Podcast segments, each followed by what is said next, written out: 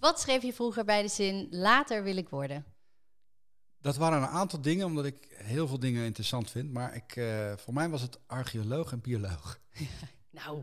Ja, nee, dit is nog steeds een beetje. eh, Het is iets actiever geworden dan het wetenschappelijk onderzoek. Maar eh, het, het ligt wel nog in de, in de lengte van wat ik ben gaan doen. Oh, ik vind hem wel klop hoor. Ik sta er niet gek van te kijken. en wat is je favoriete quote? Ja, het is een beetje een cliché, maar ik vond eh, wat Gandhi altijd schreef: eh, wees de verandering die je in de wereld wil zien. Ja, dit blijf ik toch nog wel een hele krachtige vinden en, Ja. eh, en voor, voor veel dingen opgaan. Dus ik, ik kies voor die, hoewel het wel een beetje een cliché is. Nee, is mooi toch? Ja, nee, hij is heel mooi, maar je hoort hem wel vaker. Ja, nou, hij is hier nog niet geweest. En als alles mogelijk zou zijn, zou ik... Ja, toch heel wat meer mensen vegetariër proberen te maken, denk ik. Oh, nou dan eh, heb je nu een eh, missie bij deze. Ja. Bij mij is het nog niet zo. Vegan mag ook nog, maar dat is, Ja. dat is helemaal hardcore. Ja, Althans, ja. hardcore wordt steeds, eh, steeds meer eh, mogelijk. Maar eh Ja. vegetariër is een goed begin. Oké, nou, kom maar op. Welkom. Wat leuk dat je luistert naar Tip van Tam.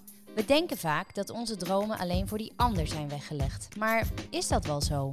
Of ligt het aan de keuzes die je zelf maakt? Aan de mogelijkheden en kansen die je wel of niet pakt? Heeft niet iedereen struggles? En heeft niet iedereen bepaalde angsten die ze moesten overwinnen?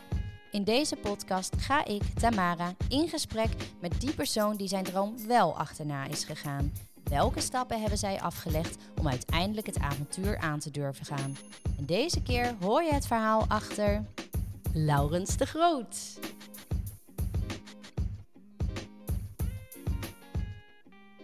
Hij is natuurbeschermer en niet vies van een beetje actie. Zo zet hij zich al jaren in voor bedreigde diersoorten, onder andere in Afrika en Antarctica. Hij was regelmatig te zien op Discovery Channel en van zijn avonturen op de oceaan als walvisjager schreef hij het boek Jacht op de Jagers. Ook is hij co-founder van Smartpacks en is op dit moment bezig met iets nieuws waar hij nu mij en jullie alles over gaat vertellen. Ik heb heel veel zin om met hem in gesprek te gaan. Je hoort het verhaal achter Laurens de Groot. Yay. Nou, wij kennen elkaar natuurlijk al eh, Ja. een beetje, een beetje. We komen uit hetzelfde dorp en eh, van het uitgaansleven, het Delftse uitgaansleven. Ja, dat is al echt Lang even eh, lang geleden. geleden. Pre- Pre-kindertijdperk. Ja, ja, ja. Ja, en als ik het eh, me goed herinner, was jij op dat moment bezig met een switch van rechercheur, of je zat in ieder geval bij de politie. En of jij nou toen naar Australië ging of al was geweest, dat weet ik niet meer. Maar dat heeft wel goed onthouden. Ja. Nou, dat heeft echt indruk op mij gemaakt. Want ik vond dat echt wel bijzonder dat jij, nou ja, ging doen. Jij ging echt wel een spannend avontuur aan. Een, wat het, een beetje het onbekende, het onzekere.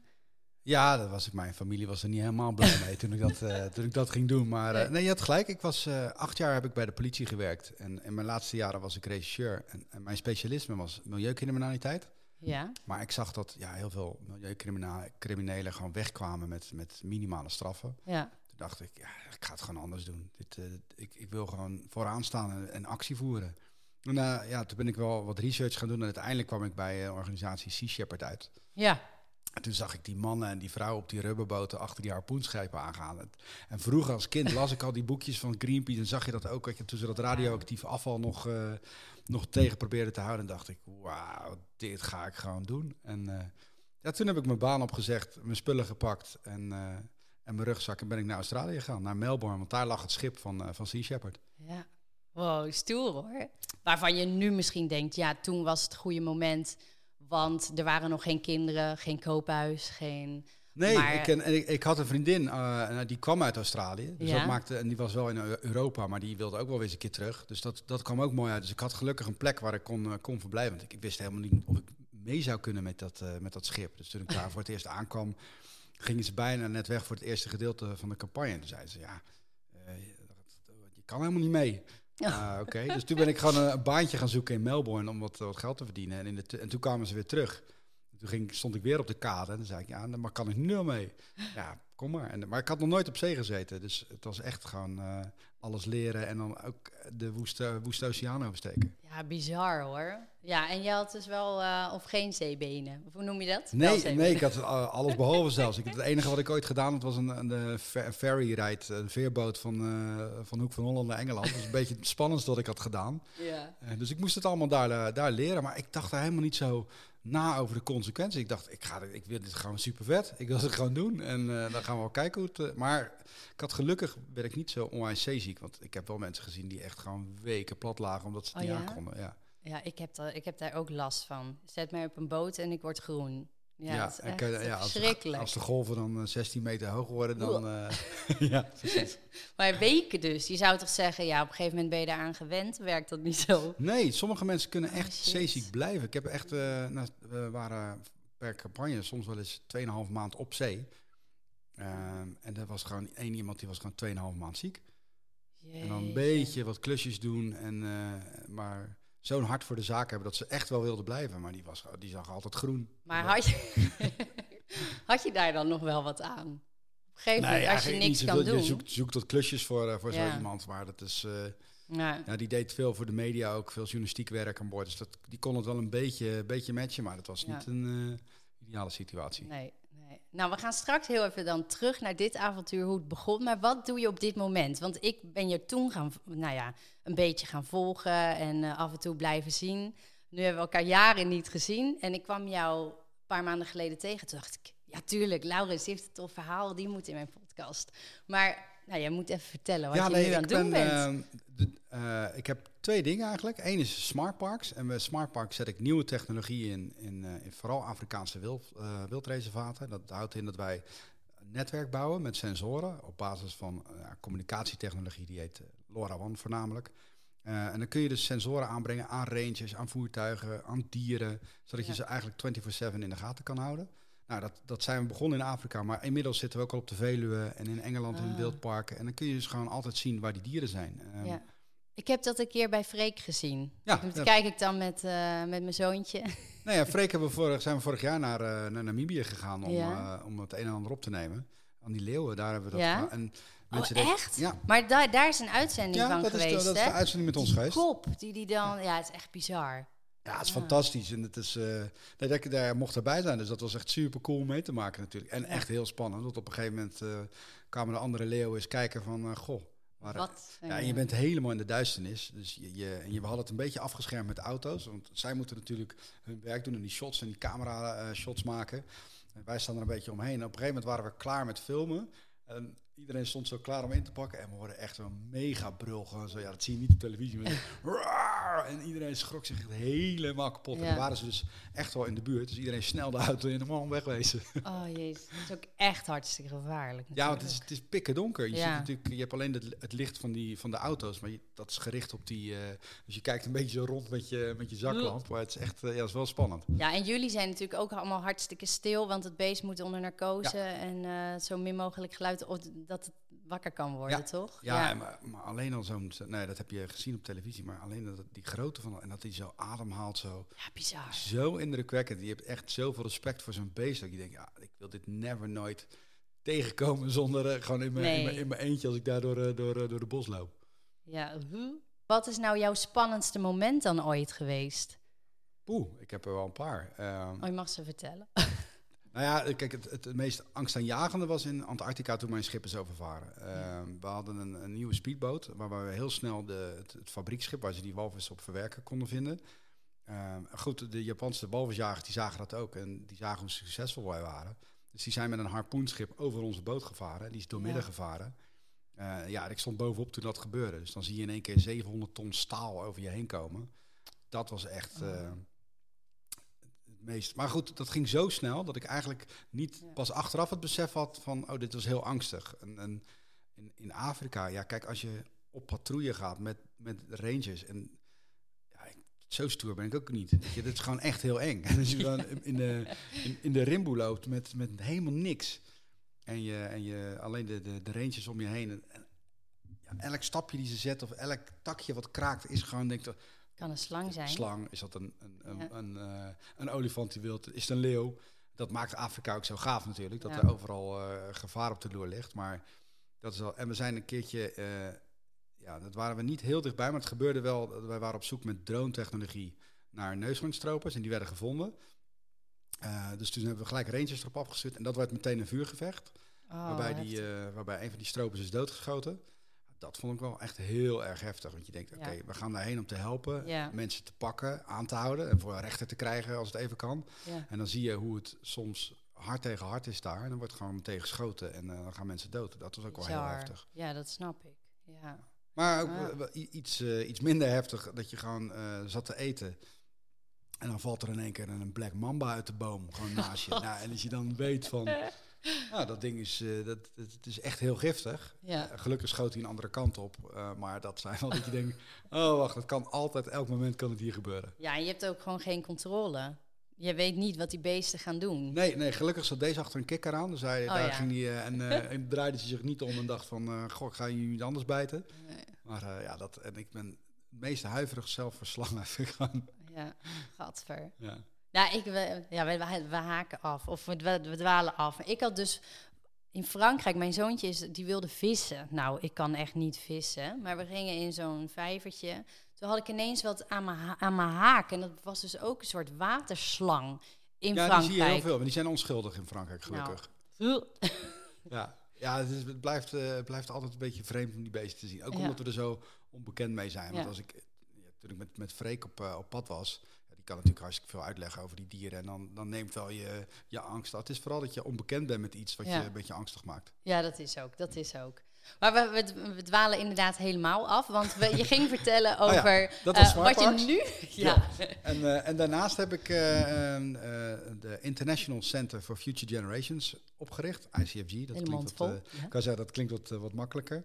Ehm, en daarmee kijken we naar, oké, wat zijn de grootste bedreigingen voor de mensheid? Nou, daar heb je onder andere klimaatcrisis, eh, maar ook eh, pandemieën eh, en kunstmatige intelligentie. Dat zijn echt wel drie dingen die het lot van de mensheid best wel kunnen beïnvloeden. ja, en dan niet de natuurlijke pandemieën. Ja, je kunt dus naar pandemieën kun je, heb je de, de natuurlijke pandemieën, zoals een COVID. Ja. Maar tegenwoordig, door alle technieken die steeds meer, zich steeds sneller ontwikkelen, mede door kunstmatige intelligentie, eh, zijn er gewoon ja, mensen die gestudeerd hebben of, of gewoon heel erg slim zijn Ja. met de juiste apparatuur, die kunnen gewoon iets maken wat eh, hetzelfde gevaar oplevert als een COVID of nog vele malen erger.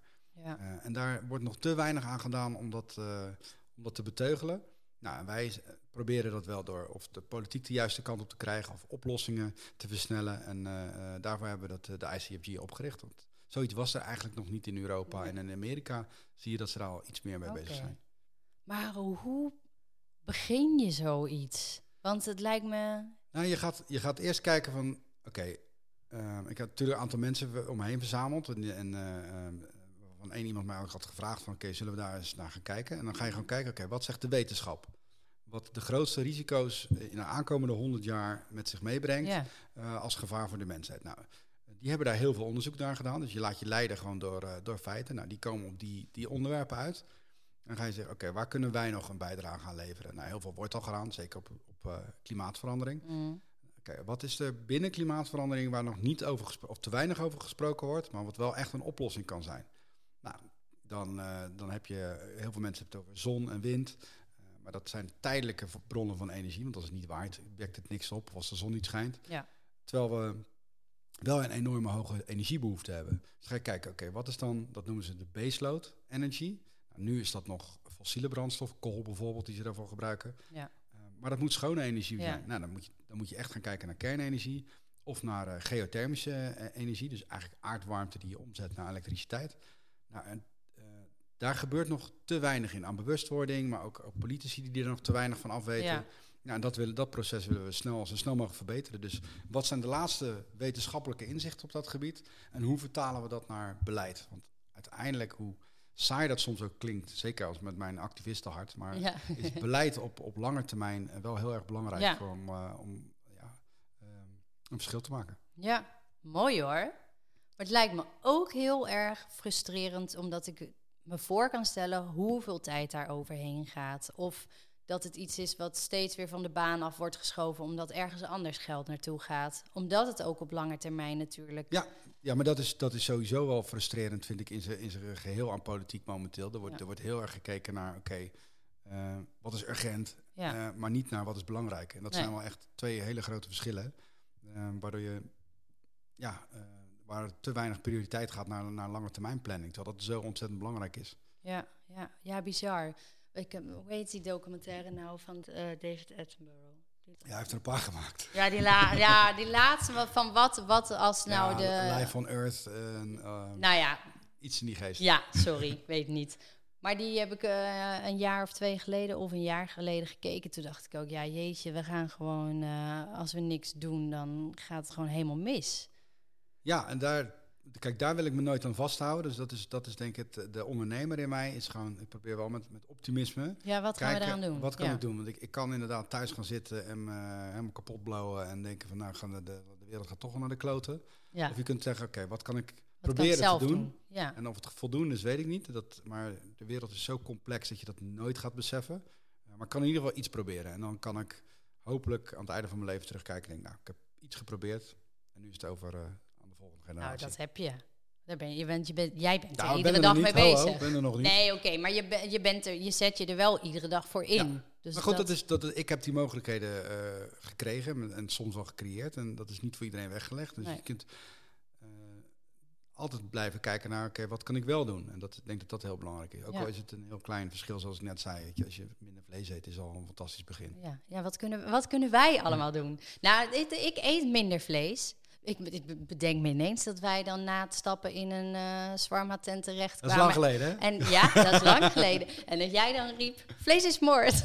Ja, ja, ik heb wel een iets activistische randje gehad eh, twintig jaar geleden. Maar inderdaad, dat ik, eh, soms ben ik nog steeds zo fanatiek. Alleen Ja. je werkt wel dat, dat dat soort dingen blijven roepen in je, in je kennissenkring of je familiekring. dat dat niet echt wel de beste tactiek is. Dus soms moet je daar een beetje aan, eh, Ja. aan schaven. Maar Heb je ook nog vrienden die wel vlees eten? Ja, heel en, veel, ja. eh, Nee, het verbaast Dat- me eigenlijk trek je nog, dat? nog Ja, dat, inmiddels wel.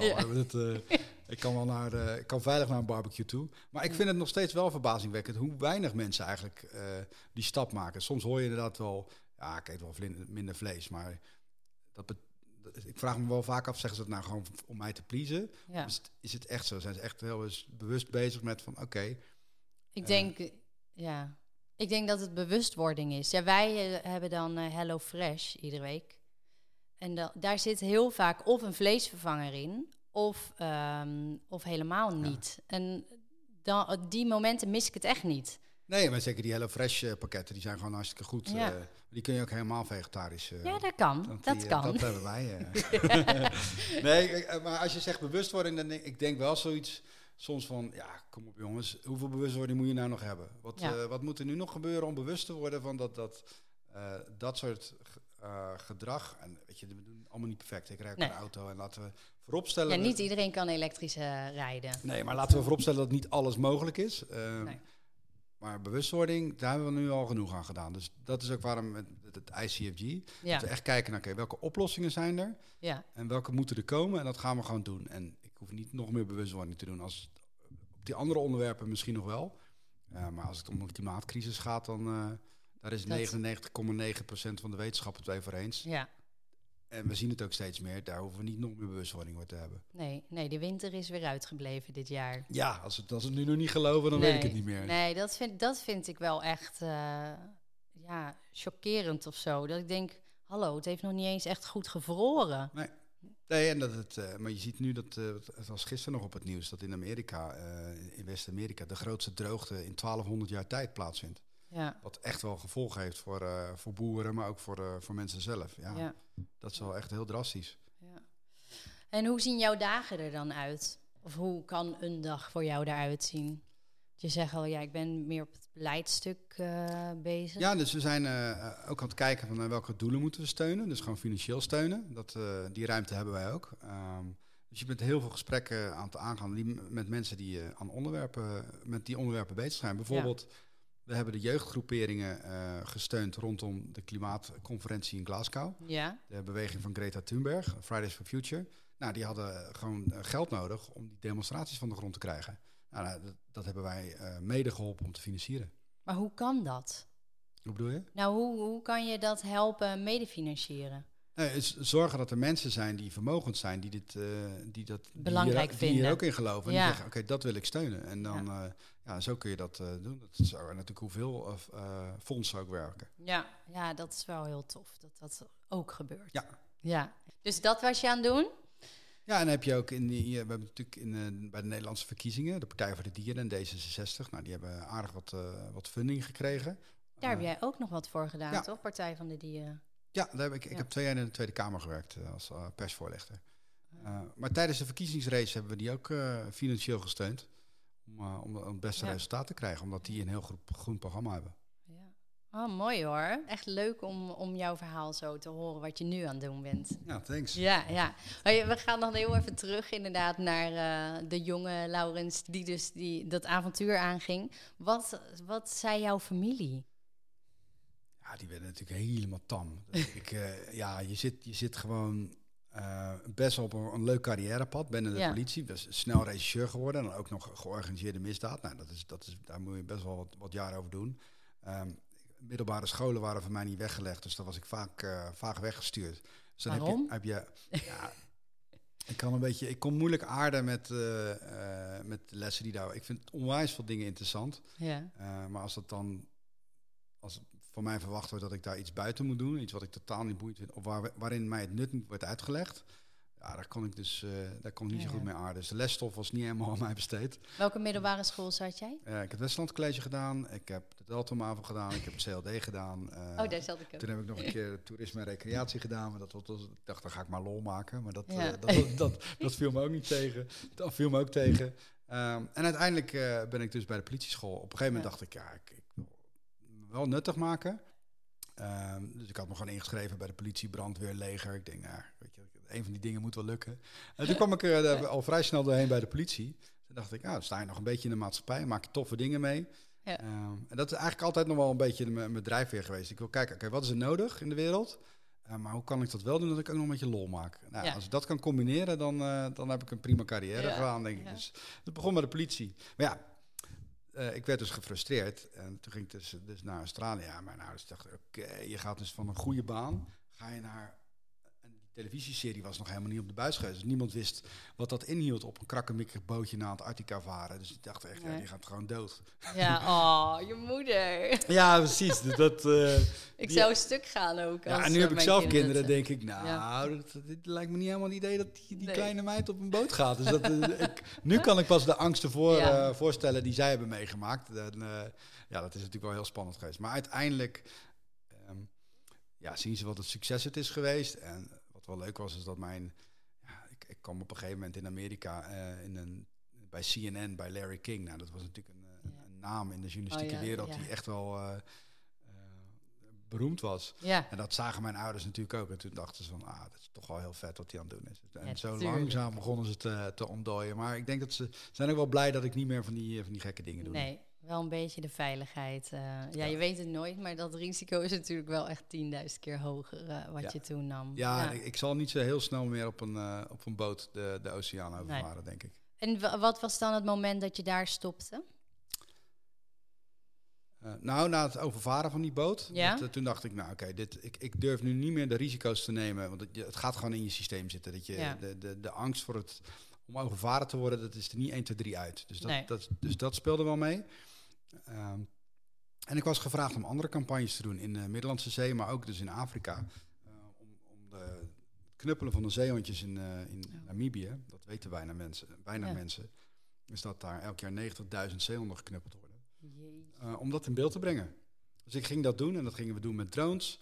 Nou ja, en toen dacht ik, ah, na vijf jaar Shepherd, het echt wel heel intens is, ook qua organisaties, Ja. gewoon eh, echt wel heel erg hardcore. Dacht, kwam ik erachter, Ja. nou, ik wil eigenlijk misschien wel zelf wat gaan doen met die technologie. En ja, dat was begin 2011, dus die drones waren ook best wel in opkomst. Ja, Ik ga het gewoon proberen om daar een, eh, een bedrijf omheen te bouwen.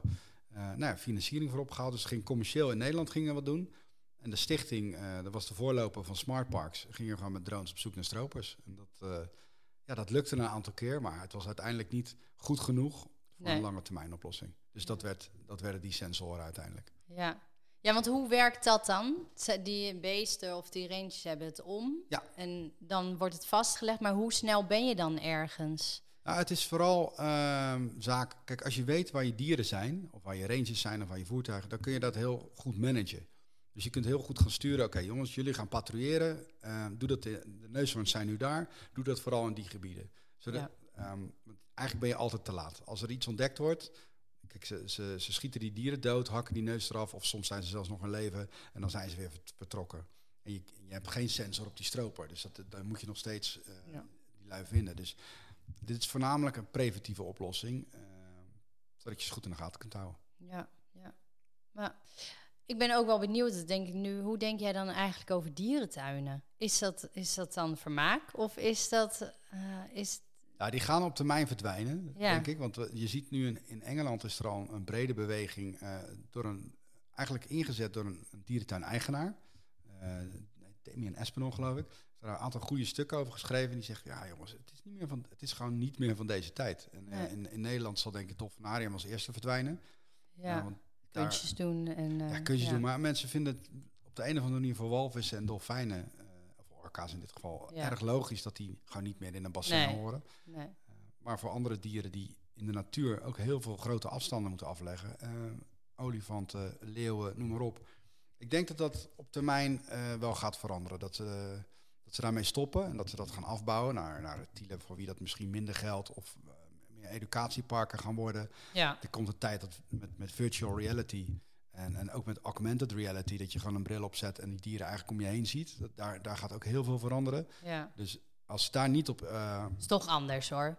is toch anders. Nee, dat ben, ik, dat ben ik. met je eens. Ja. En natuurlijk is het fantastisch om een dier in levende lijven te zien. Ehm, maar ik denk, naarmate we nu steeds meer weten over, over dieren... er zijn nu zelfs app-ontwikkelaars bezig om de taal van dieren... naar mensentaal wat makkelijker te kunnen vertalen.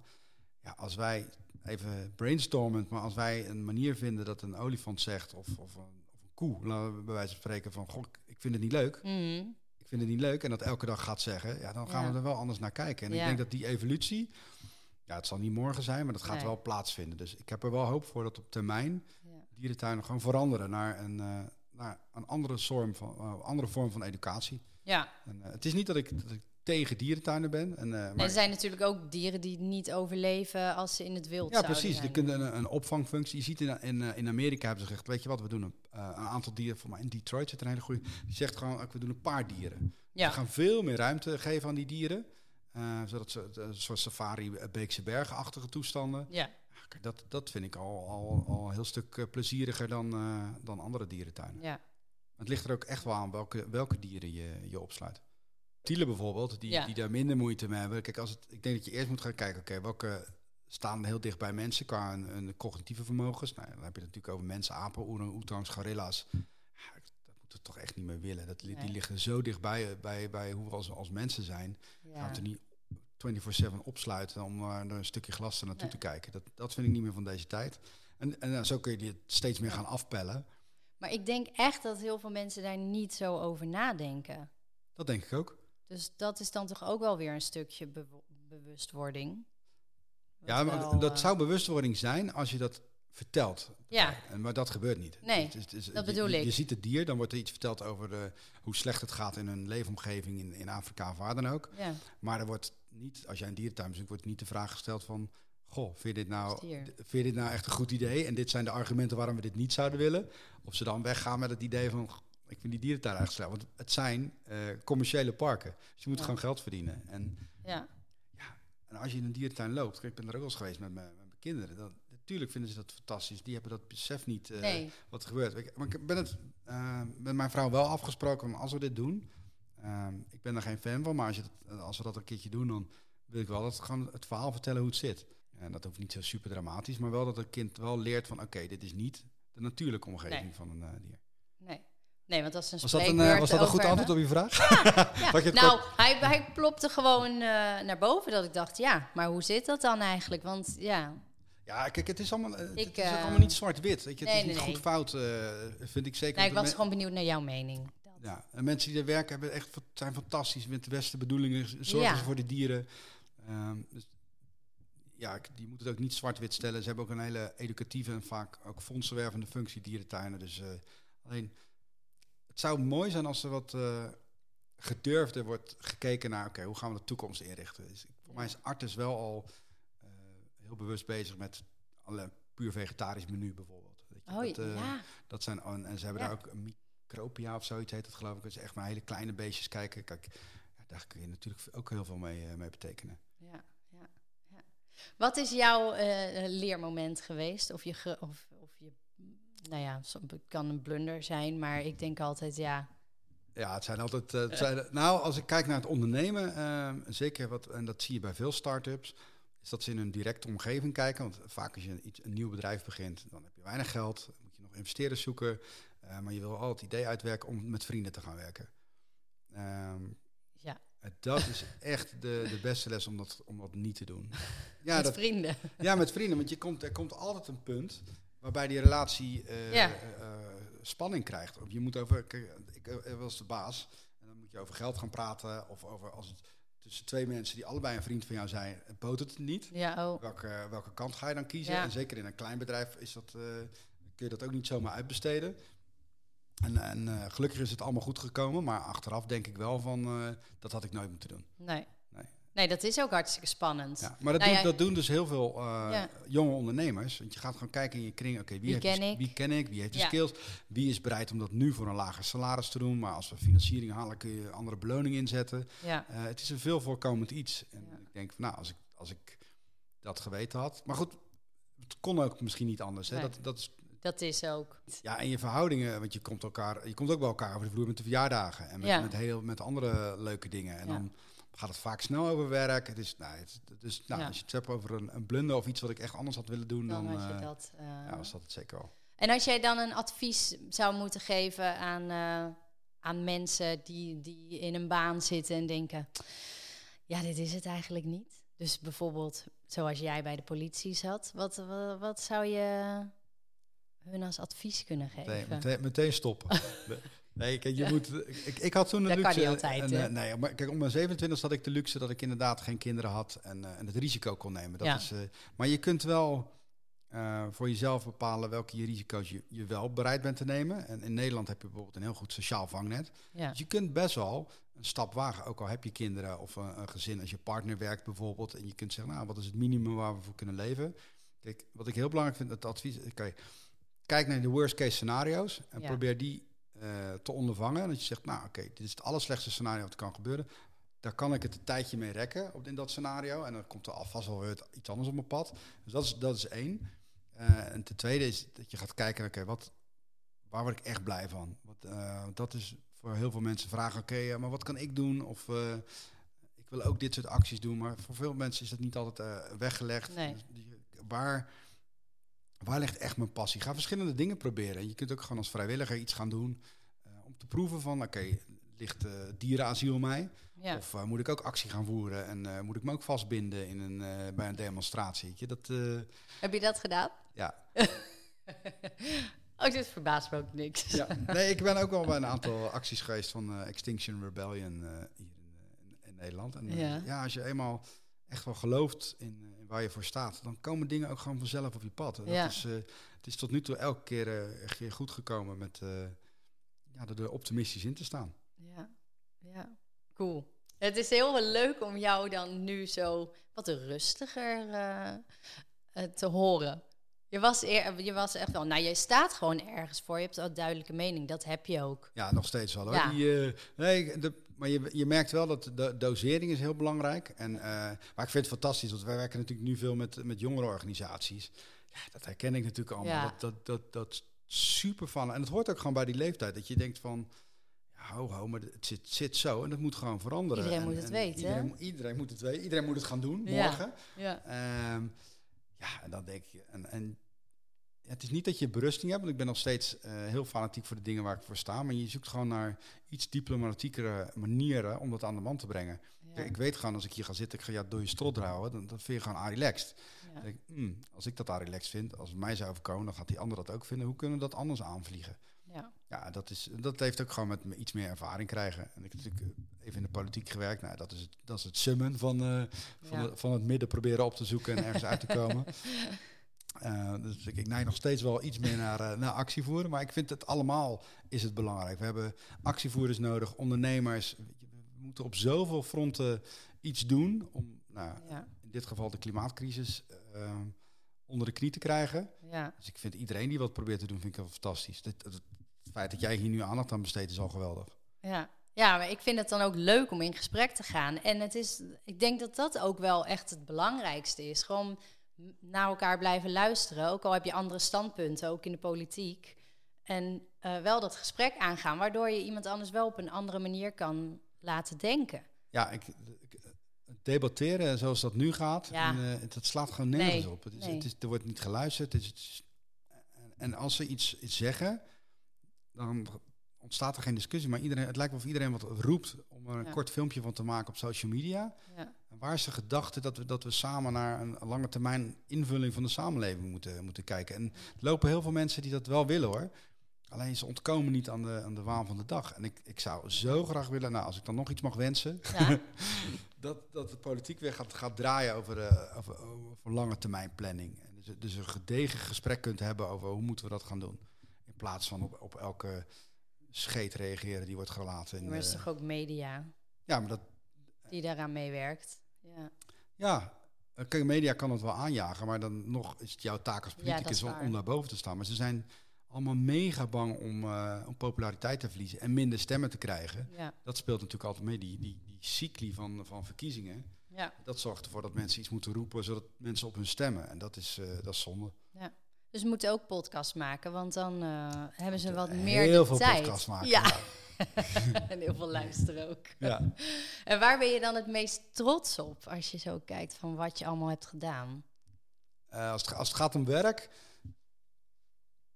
dan... Ja, mag je in privé straks ook zeggen. Maar als het gaat om Nou ja, dat kijk, privé zijn het Ja. natuurlijk je, je, je, je, ki- je kinderen, die, Ja. eh, een, eh, een mooi gezin wat ik heb. Maar als het om gaat om werk, is het...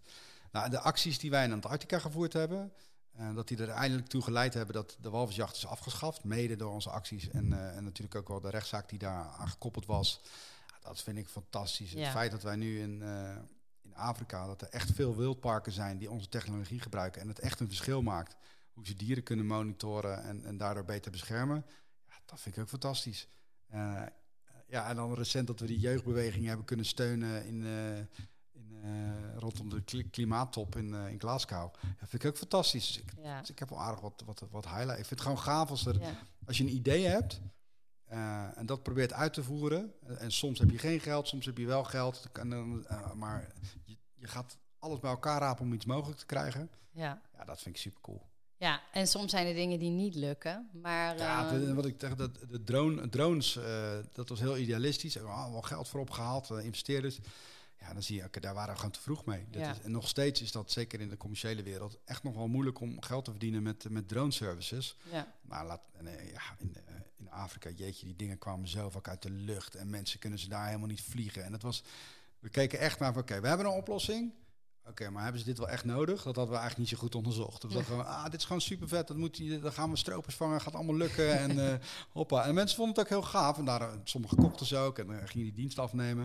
En uiteindelijk zag je, ah, oké, dit is niet helemaal wat ze nodig hebben. Nee. Dus ja, En dan ben jij dan ook degene die zegt: Oké, nee, dit, dit werkt niet? Of laat je het, ga je Nee, net zo lang door totdat. Nee, toen ben ik al vrij snel gaan kijken, Ja. oké, die technologie, dat klopt wel. Er is in, in, eh, in de natuurbescherming enorme behoefte aan eh, technologische expertise.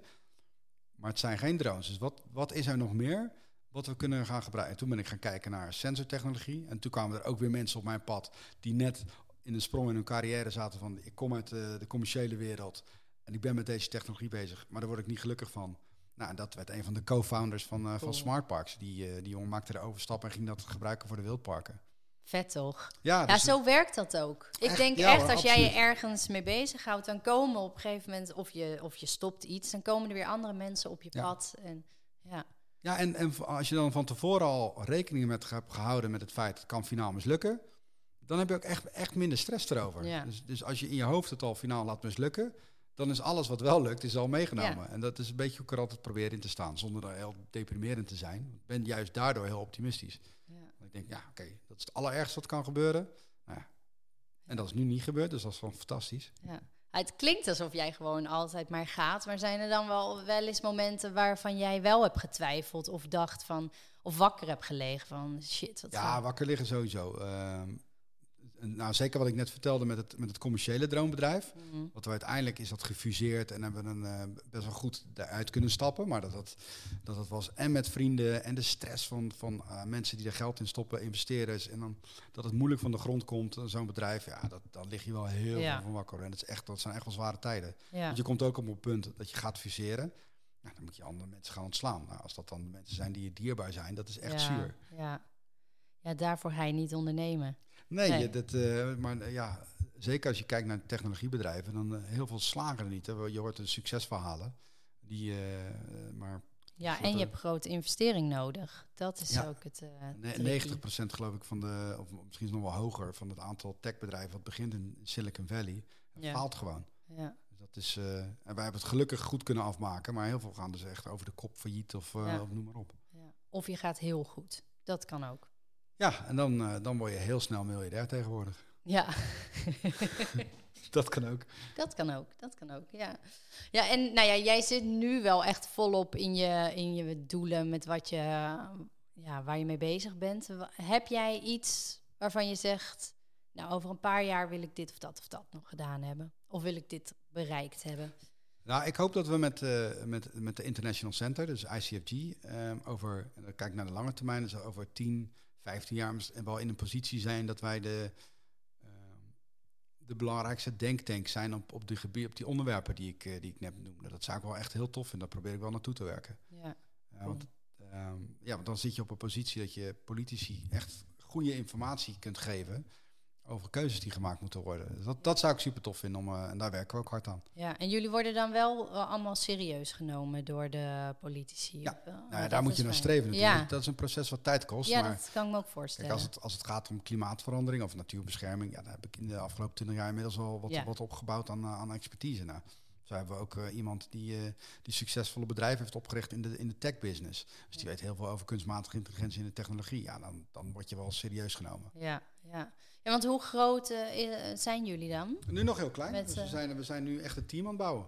Ah, We zijn begonnen met z'n met z'n tweeën en dan gaan nu binnenkort komen er een paar mensen bij. En, ah. Dat is ook weer spannend. ja, dat, Toch? Dat, dat is super spannend. En de juiste mensen vinden. En, ja. ja. Oh, leuk hoor. Ja, Ik maar dat is echt, echt heel erg gaaf. Dat proces van, je hebt een idee en of dat nou een, een, een kleine zaak beginnen in een dorpje is, waarbij je weet ik veel wat verkoopt, of dat je een, een onderneming pro- pro- eh, pro- probeert op te zetten die internationaal werkt, of wat dan ook. Maar het, ik denk dat ik dat misschien het allermooiste vind van, eh, aan mensen, is dat je gewoon een idee wat in je hoofd afspeelt, wat, wat, eh, wat je zelf produceert, gewoon omzet naar iets materialistisch, iets wat zich echt manifesteert Ja. in de wereld. Dat vind ik zo vet. Dat, en dat is ondernemen natuurlijk. Ja, ja. Tof. Ben je, ben je hier dan...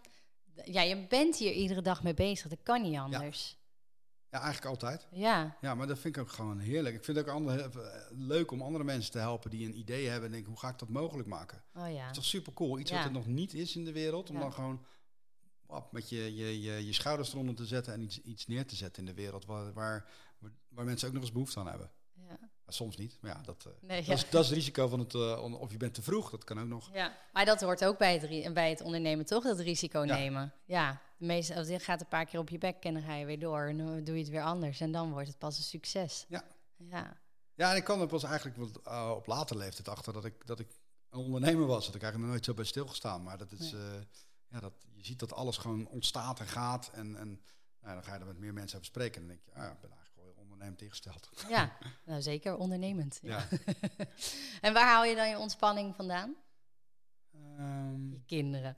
ja, dat is heel cliché. Maar zitten nog echt nog niet op een leeftijd dat dat heel ontspannend is. Hoor. Die, Een eh, eentje van bijna een jaar en vier. Dat is, dat is verre Ja. van ontspannend. eh. ja, na Yep. acht uur als ze allebei slapen. en dan lig ik uitgepeigerd eh, Netflix-series te kijken, net als iedereen. Ja. Ehm nou ja, ik, ik sport graag, dus dat, eh, daar haal ik wel mijn ontspanning uit. En eh, ik lees veel, dat vind ik ook eh, heerlijk om te doen. Dus dat zijn de twee dingen. Lekker de natuur in gaan. Ja. Ja, Daar geven ze je de tijd voor ook. Nou ja, niet, niet, meer- niet, niet zoveel als ik gehoopt had, maar dat, nee, ja, dat, dat zijn mijn... Ja. En wel in Nederland blijven wonen. nu een, eh, in Berkel en Roderijs. Ja. Dus gewoon... nou, ja, voorlopig blijf ik hier ook wel. hoor. Kijk, in Voorlopig. Nederland is basis. is- Ja, misschien als mijn kinderen wat ouder zijn, dat ik dan nog zeg van... Ja, een keer een, eh, een lodge manager in Afrika of zo. Als dat, eh, Ja. dat is natuurlijk super gaaf zijn. Dus ik, ik zeg nooit nooit, maar ik vind Nederland als basis, zeker als je kinderen jong zijn, is er bijna geen beter land om te wonen.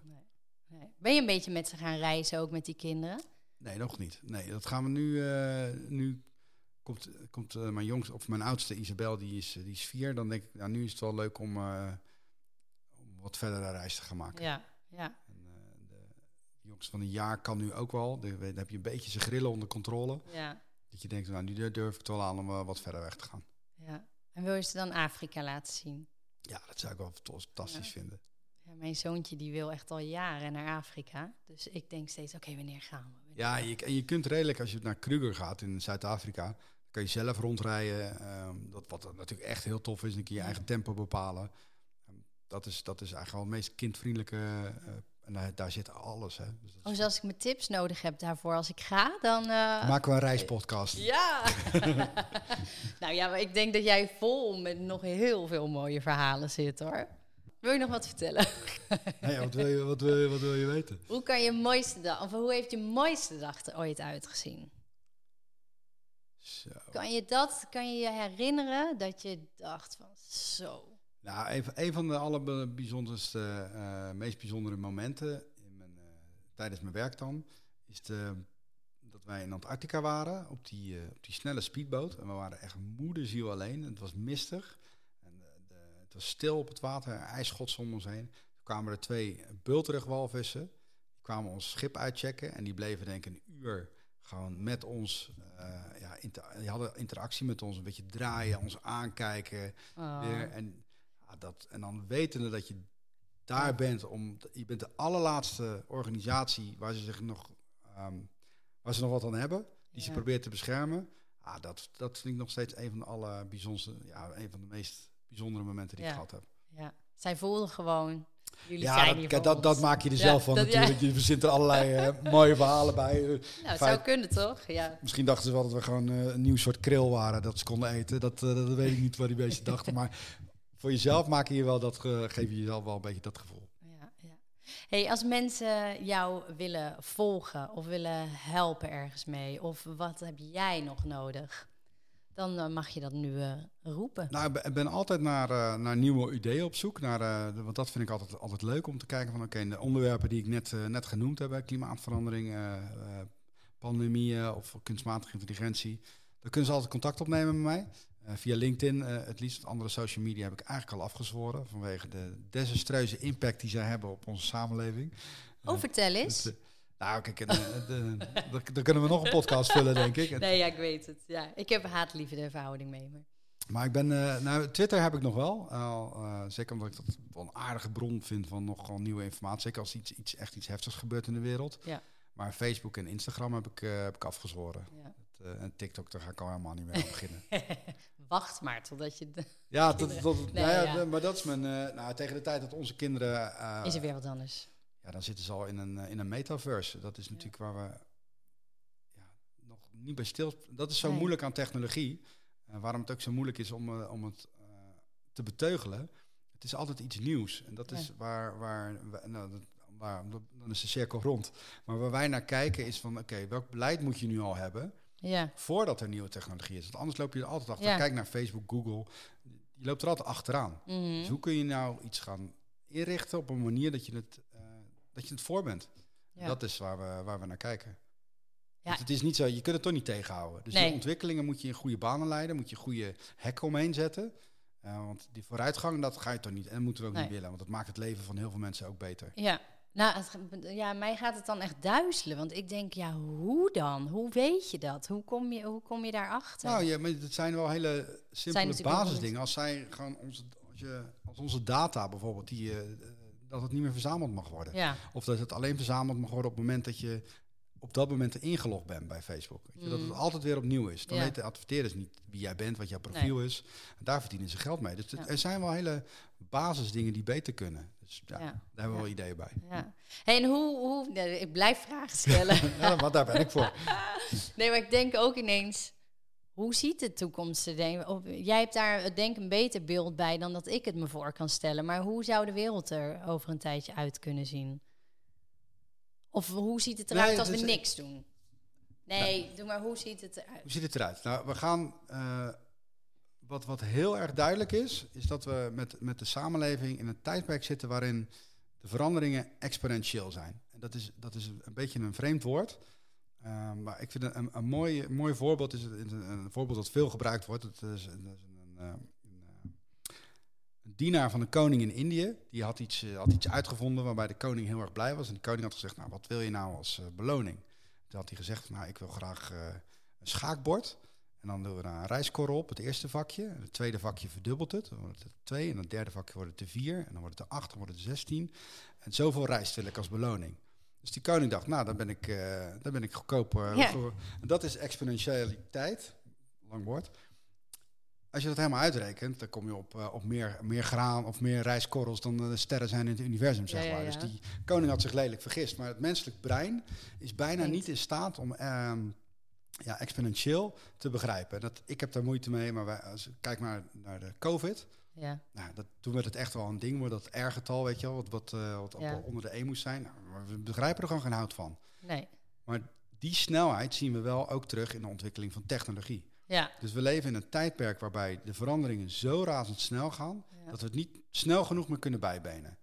Eh, laat staan overheden en politici, want die processen gaan helemaal traag. Nou, en als dat niet goed op elkaar afgestemd wordt, ja, dan krijg je enorme wanorde en dan worden we geregeerd door partijen of mensen die dat nog wel begrijpen. ja. Want die hebben altijd een voorsprong. Ja, dat is een beetje spannend. en dat is spannend, dat zouden we niet moeten willen. Dus als, we dat, als we daar niet goed mee leren omgaan, dan, eh, dan ligt de macht nog maar bij een hele kleine groep eh, mensen en bedrijven. En dat is, dat is hoe Ja. de toekomst eruit kan zien. En ja, als je nog iets concreter wil, eh, ja, je, dat zie je nu natuurlijk ook wel door, door hoe Facebook nu investeert in zijn metaverse. En de werkelijkheid met een virtuele wer- werkelijkheid, dat gaat gewoon veel meer door elkaar eh, lopen. Ja. Ja. Dat, is, eh, ja, dat kan onwijs gaaf zijn. Want het, laten we wel zijn, dat heeft ook echt wel zijn. eh Het heeft ook voordelen. heeft heel het veel helpt voordelen. ook. Ik denk ja. dat als je gaat gamen in je eigen huis en je hebt een bril op en je ziet monsters op de bank zitten, ik denk dat dat super vet is. maar er kleven ook gewoon echt heel veel risico's en, en nadelen aan. Dat is, ja, dat is een spannende tijd. Ja, en dat heeft ook met de robots te maken dan. Dat je, doe je daar dan ook... eh, Nee, wat, wat, wat robots is echt al eh, he- heel veel verdere toekomstmuziek. Ja. Eh, kunstmatige intelligentie heeft er meer mee te maken dat als je...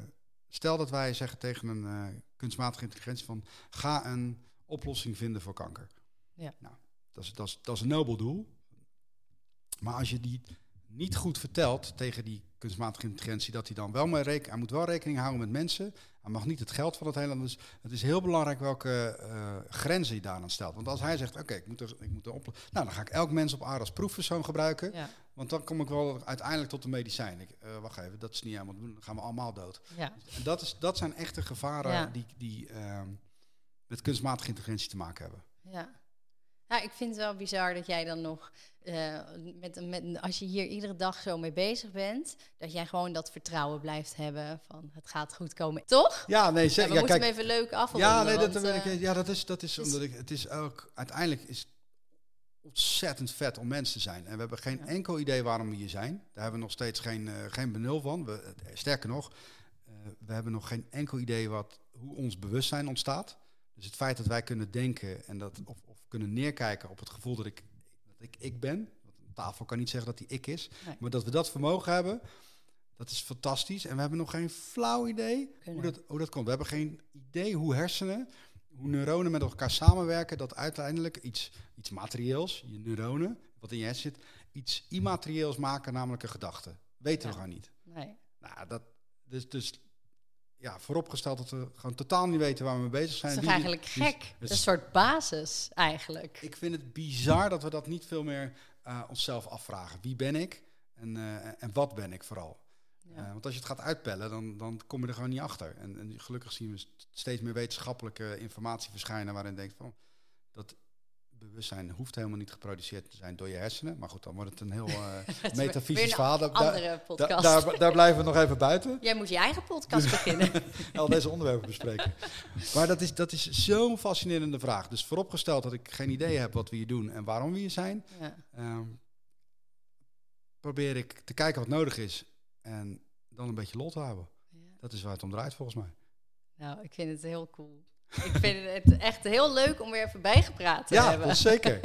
Met waar je, waar je nu mee bezig bent. En ik wil je heel erg bedanken voor je tijd. En uh, heel veel succes wensen. Jij ook. Blijf volgen via LinkedIn dus. Ja, ja. absoluut. Thanks. Bedankt voor het luisteren. En vond je dit nou een leuke aflevering? Wees dan zo lief om te volgen, te liken of te delen. En wil je meer informatie over mij? Volg me dan op Tip van Tam op Instagram.